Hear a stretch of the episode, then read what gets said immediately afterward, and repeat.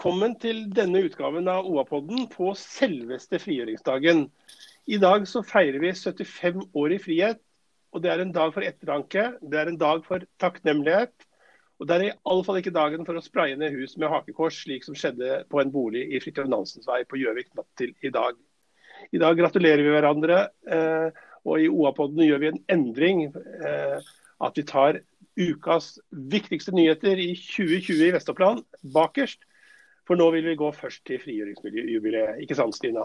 Ja, for det skulle jo egentlig markeres eh, stort i dag med mye arrangementer rundt eh, i hele landet. Men så ble jo òg dette utsatt da, til neste år under de spesielle omstendighetene vi har hatt nå de siste ukene.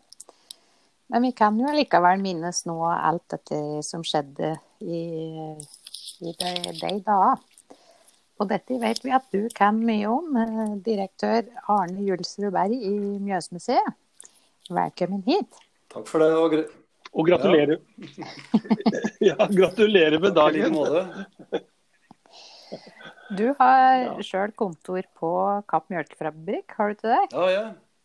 Ja, og det var jo et viktig sted for okkupanta under eh, denne verdenskrigen. Ja, det var det.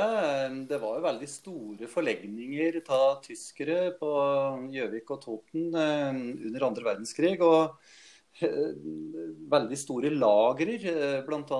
på Starum leir så hadde Luftwaffe flydellager av en eller annen pussig grunn. For å få, sannsynlig for å få spredd det. Men på Kapp mjølkefabrikk så var det sanitetsferpleinungslager for Sør-Norge, Finland og østfronten. Altså et gigantisk eh, medisinaldepot. Mm. Og så var det mye, mye aktivitet rundt eh, ammunisjonsfabrikken på Raufoss. Det er klart, Raufoss ammunisjonsfabrikk eh, var jo svært viktig for uh, tyskere. og Den ble jo da ikke bombe under felttoget i 1940. Og den ble heller ikke destruert da, eller ødelagt av den norske styrken. Så tyskere overtok jo der en komplett eh, ammunisjonsfabrikk.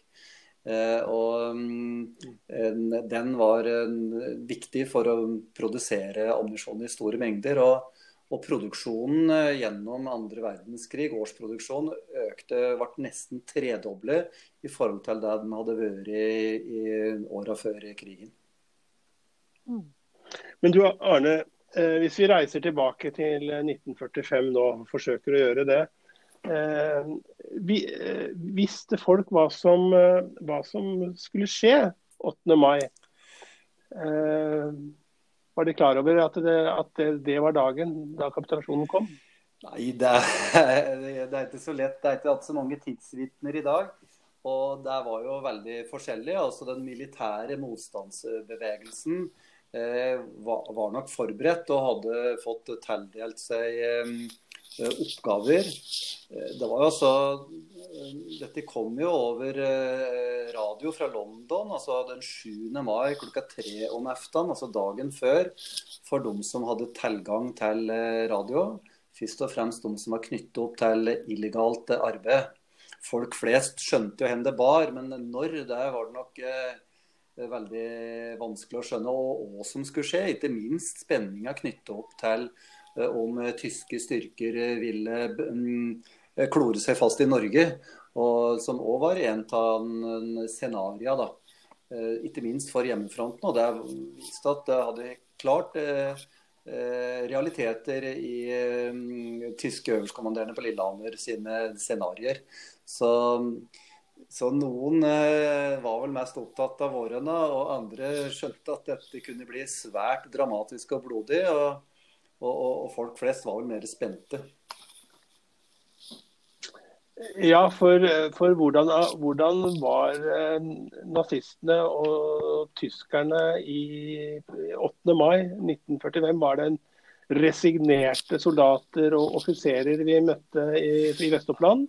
Eller var det, var det, folk som var eh, innstilt på kamp og forsvare føreren? Svaret er vel at det var begge deler. Sånn som På Starum var det mange østerrikske soldater som nok ikke var dogmatiske nazister og mm, noe dårligere motivert. Men uh, det er ingen tvil om at det var uh, tyske militære offiserer som ville kjempe. Og vi ser at SIPO og Gestapo de jobber jo med aksjoner helt fram til siste, siste dag.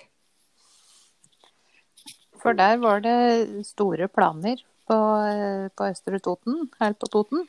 Ja, det er jo noen hendelser altså, som skjer disse dager. altså 8., 9., 10. mai i Gjøvik-Toten som, eh, som, eh, endte godt, men som i utgangspunktet var svært dramatiske, og, og som kunne ha gått eh, veldig galt. Og En av dem var jo altså en, en angiver fra Østre Toten som over lang tid, flere år, hadde samlet opplysninger om personer han mente var tilknyttet illegalt arbeid. Og han hadde jobbet med den lista, og han eh, gikk til eh, denne høyeste offiseren eh, på Østre Toten. Der var apotekeren på Kapp Mjølkefabrikk. Han gikk til han og presenterte denne lista. Han Apotekeren var nok en litt mer fredsommelig mann, men han varslo da Gestapo på Lillehammer, og det var alltid desember 1944.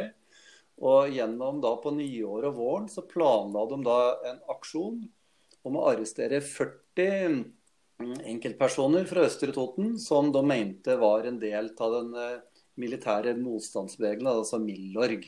Og Det viste seg at eh, den lista den finnes jo i dag. og, og De hadde rokt veldig godt, og de planla da en aksjon som skulle starte den 7. mai klokka 1600, altså om aften den 7. mai. Og Da var det altså bare én time før at melding om tyske kapitulasjon kom over radio fra London.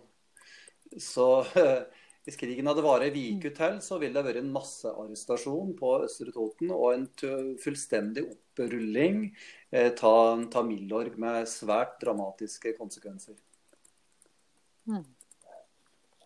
Eh, det var snakk om at veldig mange også skulle tas som gisler? Ja, I alle kommuner så var det gisselliste. da, På ofte en, rundt 150 personer, som var jo Eh, altså, som eh, norske og tyske myndigheter hadde mistanke om at eh, drev med illegalt arbeid, eller i hvert fall helt klart ikke var positive til okkupasjonsmakta.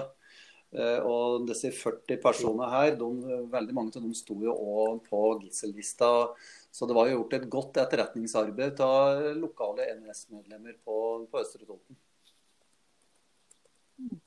Vet du om hvem det var, eller? Den, den angiveren? Ja da, det, dette ble jo en eh, stor ti års dom eh, etter, etter, krigen. Og navnelista på de 40 mm. har vi. Så dette er jo kjent. Og i Mjøsmuseets årbok for 2013 eh, det er en Terje Bråten og Kjell Røisli og mm, Sven Salvold har skrevet om motstandsbevegelsen på Østre Toten, så kommer dette fram i veldig Vi har gjort et fantastisk godt dokumentasjonsarbeid. Så vi har alle navnene. Mm. Du, jeg vet jo fra andre deler av Oppland så var, så var man, man var jo eh, spent på om, om tyskerne ville ta til, eh, ta til våpen. Men, men, men det, også, det, ble jo også meldt om liksom rolige forhold og ganske resignerte eh, tyske soldater andre, enkelte andre steder. Men hvorfor var det så mye hardere her? Det var mange tyskere her, og det var jo objekter med veldig strengt vakthold. altså Raufoss ammunisjonsfabrikk, Kapp mjølkefabrikk. Eh, tyske offiserer var forlagt på, på hund eh, på Gjøvik. Eh, så det var en store vaktstyrker. Det var mange topptrente, erfarne tyske soldater som kom fra østfronten.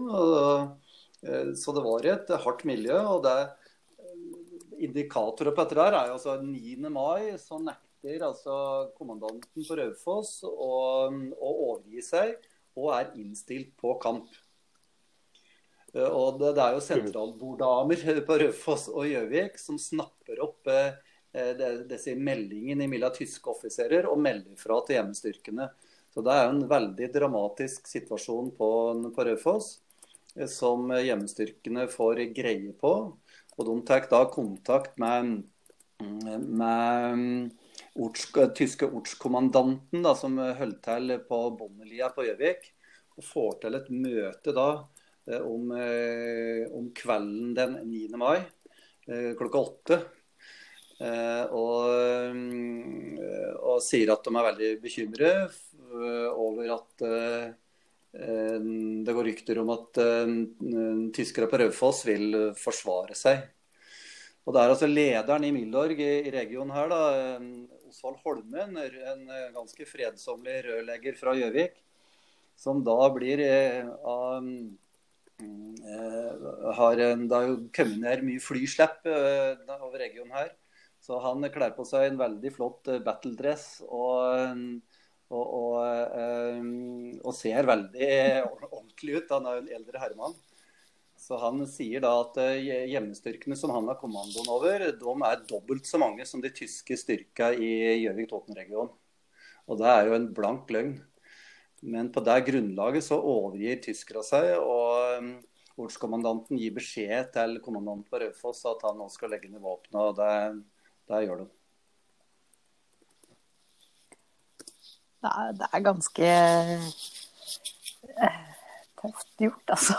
ja, det var veldig, det... Har, har, den personen vært i intervjuet noe i etterkant som sa, fortalte noe ja, vi har et stort intervjumateriale fra Gjøvik-Toten-regionen. Både ta folk som var i hjemmestyrkene og folk på NS-sida. Eh, dessverre veldig få fra den tyske, den tyske sida. Men, eh, men, denne episoden her er godt dokumentert. Og det blir et møte dagen etter der kapitulasjonsbetingelser eh, da blir framforhandlet. Men det er helt klart at her var det altså Osvald Holmen og og Knut eh, Hestvedt, som var en uh, dyktige diplomater og for, forhandlere som klarte å avverge en uh, veldig dramatisk situasjon. Jeg gjorde bl.a. intervjuet med onkelen min. Han var gymnasiast på Gjøvik i 1945 og var 18 år. Og hadde på slutten blitt rekruttert av ei kommunistcelle på Hunton Eh, og, og eh, med. Og han forteller jo da at de eh, kvelden før blir sykler opp til gården Dalborgen, der det var våpenlager for Milorg. Han får utdelt en Lee Enfield, altså tysk, nei, engelsk rifle. Han har aldri hatt ti børser i hele sitt liv og får fem patroner og blir med bort til skauen. og og, og skøt. Han sier han har aldri vært så livredd i sitt liv. og De får armbind og blir sett på lastebil og kjører ned i Gjøvik sentrum. Og, og vet at det her er det topptreinede tyske soldater. Det var nok veldig dramatisk for uh, mange av de som opplevde dette fra de lokale hjemmestyrkene. Mm. Så går det bra. Eh, Eh, kapitulasjonen kommer. Eh, folk strømmer vel til gatene. Og det er vel fest i Gjøviks gater og i hele Vest-Oppland, eh, slik som vi har sett bilder av. Men, men hvor, hva vet vi om hvordan, hvordan, de agerte, nordmennene? I disse dagene? Ja, jo bilder og dokumentasjon og historier, og folk er jo veldig glade på alle mulige måter over at krigen er over. Altså For folk flest Eh, var jo ikke noen stor befatning med, med, militære aksjoner og militære styrker. De, de merker jo rasjoneringa og at det er litt som vi opplever i dag, at lag og fotballkamper er det ulovlige, og lag og foreninger kan ikke møtes og, og slike ting. Så det var jo en traumatisk situasjon eh, gjennom eh, flere år. Så folk var jo veldig glad. Men det skjedde jo da arrestasjoner av NS-medlemmer. og og, og, vi ser jo telløp til eh, det vi i dag vil kalle hevnaksjoner overfor de som valgte den andre sida. Hva slags aksjoner da? Nei, eh, det var, hjemmestyrkene gjennomførte arrestasjoner eh, av angivere og eh, stort sett alle NS-medlemmer, men òg det de kalte tyskertøser. Eh, og disse ble samlet på interneringsleirer på Kjørset på Skreia bl.a. På Lena Bad. Eh, flere og ikke minst på Bondelia. Og på, på Bondelia så er det jo kjent at det var, en fangebehandling som i dag i hvert fall vi vil kalle en grov trakassering. Mm. Eh, når var det Det er blitt fortalt meg at eh, det var en veldig sterk symbolsk eh, handling, om du vil, da skipladner kom tilbake. Når skjedde det? ja, det er jo slik at eh, i aprildaga 1940, da ligger jo Skibladner i vinteropplag på Minnesund, som da hadde gjort i, i nesten 90 år.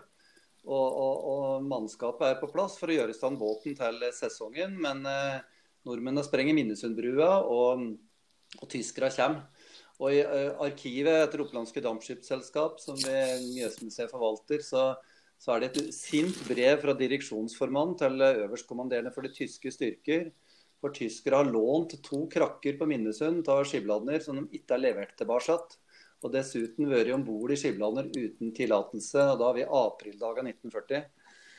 Så, så Skibladner er jo heldige og skal ikke røres. og så Opplandske tar da og flytter båten ned i Vorma, og fordi Minnesundbrua er et bombemål. Så båten ligger da i opplag eh, og litt gjemt nede i Vorma under hele andre verdenskrig. Tyskere ønsker å bruke båten som eh, Bl.a. Eh, som eh, eh, for å forlegge tyske soldater, men det får de da ikke anledning til. Så våren, fredsvåren i 45, da kaster Opplandske Dampskipsselskap sitt mannskap seg rundt og jobber med båten, som er sliten og i ganske dårlig forfatning etter krigen. Og klarer da i løpet av juni å få båten i stand, og seiler nordover Mjøsa. Og vi har flere vitner og skildringer til det som sier at det var svært rørende for folk. Alle som levde da i Mjøsdistriktet, hadde vokst opp med at uh, Skibladner kom med sommeren. Og Skiblander var et fast punkt, og Skiblander hadde vært borte under hele krigen.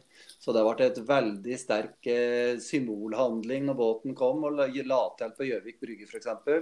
Med tusenvis av mennesker. Det var liksom den gamle, gode tida og sommeren som kom tilbake. og Gerhardsen og co. ga jo folk lenger sommerferie. Og, og en, en, veldig sterk symbolhandling som er noe av begrunnelsen Kanskje fordi vi er så glad til Skibladner eh, i dag òg, altså. Mm. Ja, for slik er det jo når Skibladner eh, kommer. Da er det våren. da er det våren, og denne her våren her var jo svært spesiell. Og det ble liksom prikken over i-en, tror jeg.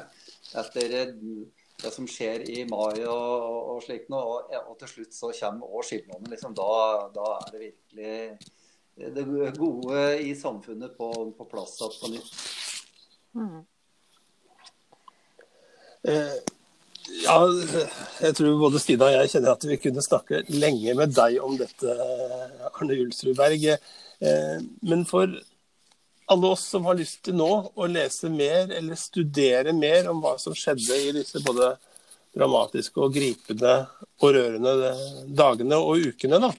Eh, hva er det beste tipset ditt? Det er jo den lokalhistoriske litteraturen som er uh, utgitt Ta av Toten historielag, Gjøvik historielag og enkeltpersoner knyttet til Raufoss, Gjøvik og, og Østre Toten.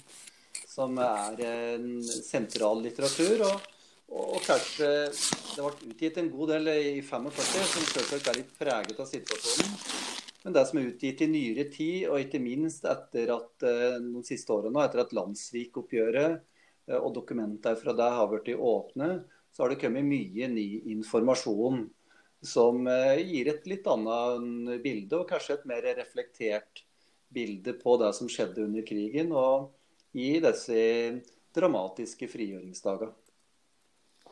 Var det noe spesielt du tenkte på der, som har nyansert bildet, særlig lokalt her? Ja, Det er kanskje spesielt da den Mjøsmuseets årbok fra 2013, da, som er veldig omfattende om motstandsbevegelsen mm. i uh, daværende Østre Toten og Kolbu. Men du kommer til Motstandsbevegelsen hang veldig godt hoppes eh, i, i, området her. Eh, I regionen her med ho De største våpenslippene var på Totenåsen overfor Totenvika bl.a. For Gjøvik. Og det skjedde jo dramatiske ting med aktører fra Gjøvik-området eh, på Bjønnhaugen og Tappkjendalen. Og, og likvideringa av politiinspektør Lorang og slike ting. Så regionen, motstandsbevegelsen, henger veldig hoppes under krigen. Mm. Du uh, var inne på noe i stad, dette med hvor viktig Kapp mjølkefabrikk var at eh, det var planer om å sprenge hele fabrikken, eh, rett og slett. Hvis, det, hvis tyskerne skulle miste den. Ja da, det var nok ikke bare planer. Det var, det ble, hele Kapp mjølkefabrikk ble underminert med flybomber fra Luftwaffes eh, lager på Starom. Store bomber som ble eh, støkket inn gjennom kjellervinduer eller grøvet ned under grunnmuren for å sprenge hele Kapp mjølkefabrikk i lufta. Så, så tyskere var jo altså Et scenario var jo kamp, og, og da en eh, krigsviktig produksjon skulle ødelegges. Og det var altså alternativet når øverstkommanderende da var eh, general Bøhme var på Lillehammer, eh, så var det å holde et område i, i Midt-Norge, da. Og bite seg fast der. Så dette var jo veldig, veldig dramatisk.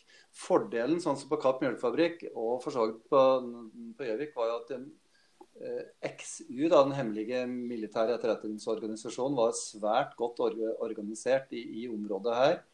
Og hadde da de to siste åra sendt veldig detaljerte rapporter om alle tyske anlegg og leirer i, i regionen, eh, som var sendt med mikrofilm over med dampskip til Hamar og over til Sverige og, og havne i, i, London.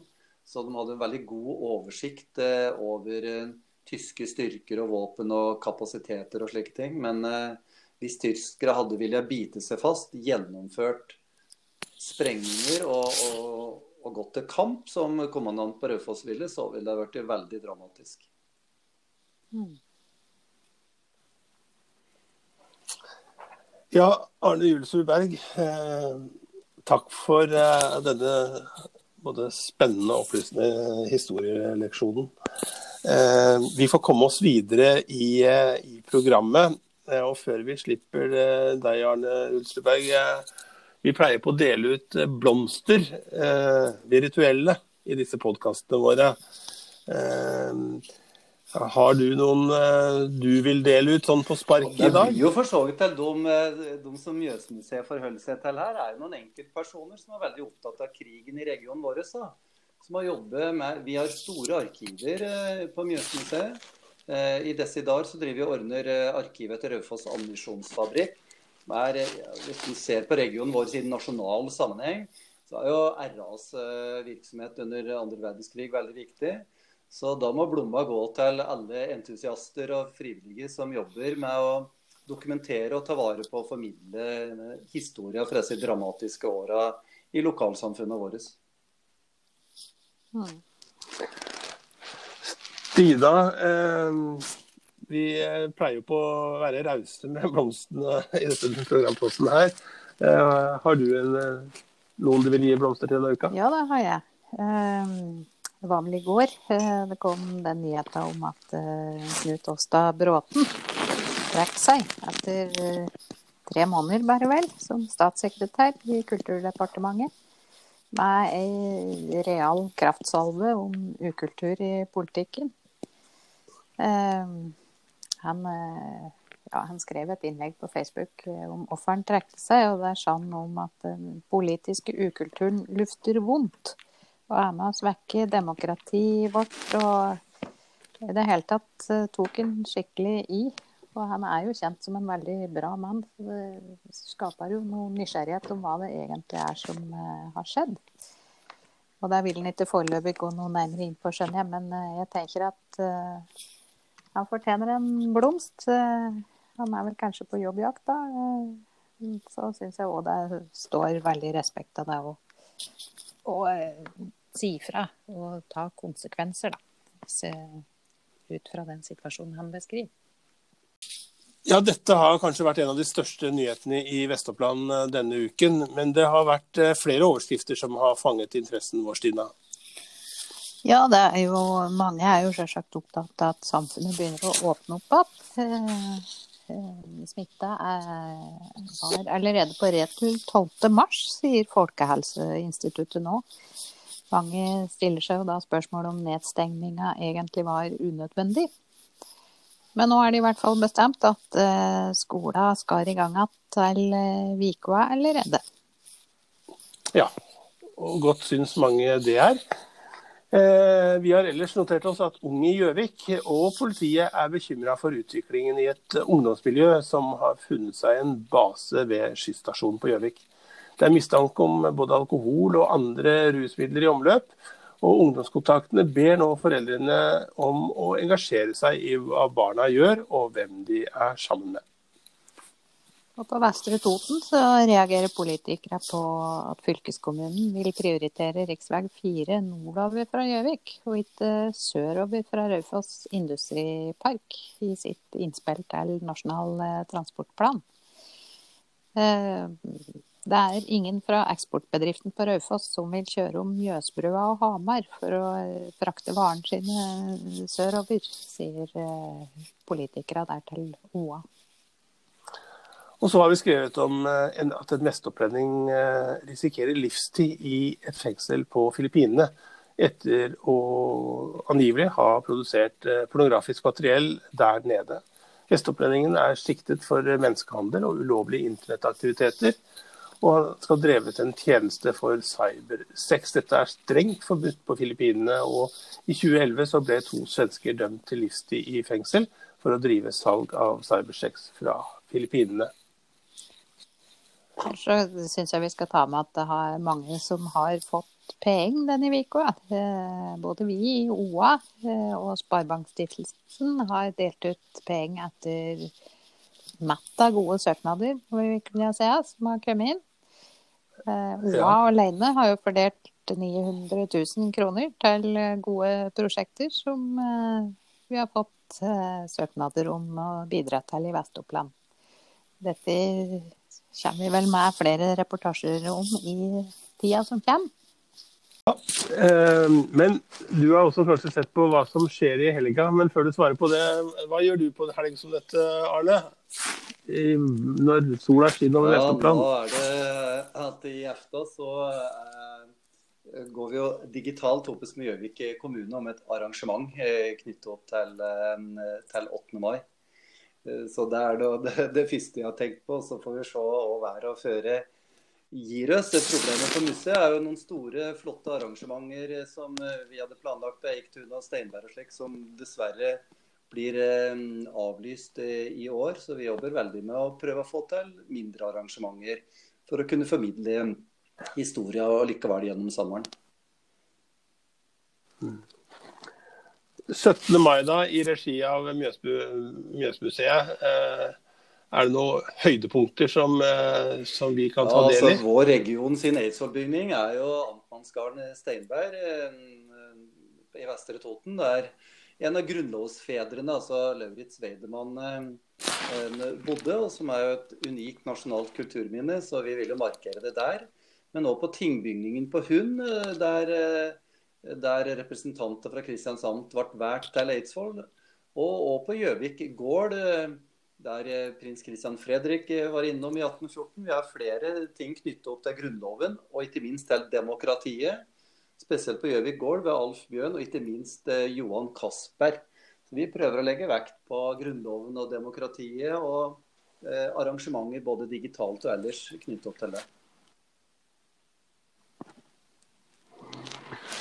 Ja, Har du fått sett på hva som skjer i helga, Stina? Eh, jeg har ikke stålkontroll, men jeg vet om noe, i hvert fall. Jeg vet at, uh, at det blir uh, fotballtennisturnering, uh, som vi har. Uh, den kan du vel for så vidt se på nett, da. men den foregår utendørs på fastland i dette øyeblikk, tror jeg. Og så er det Det er jo åpna for litt sånn intime konserter. Det blir mulighet for å se eh, Nagel Dahl-paret, eh, Ingvild og Trond, sammen med Steinar Borvik på Samfunnet på Gjøvik. Um, ja. Så er det, åpner det en uh, spennende kunstutstilling, syns jeg i hvert fall, i Kaufeltgården uh, 9. og det er i morgen. Ja, Da er vi kommet til veis ende i dagens OAPOD. Takk til Arne Julsrud Berg, direktøren ved Mjøsmuseet. Takk til deg, Stina. Og eh, takk til deg som eh, valgte å bruke tid på OA-podden også denne fredag. Vi ønsker både deg og alle andre i eh, vakre Vestloppland eh, gratulerer med dagen nok en gang. Og så må dere ha en riktig god helg.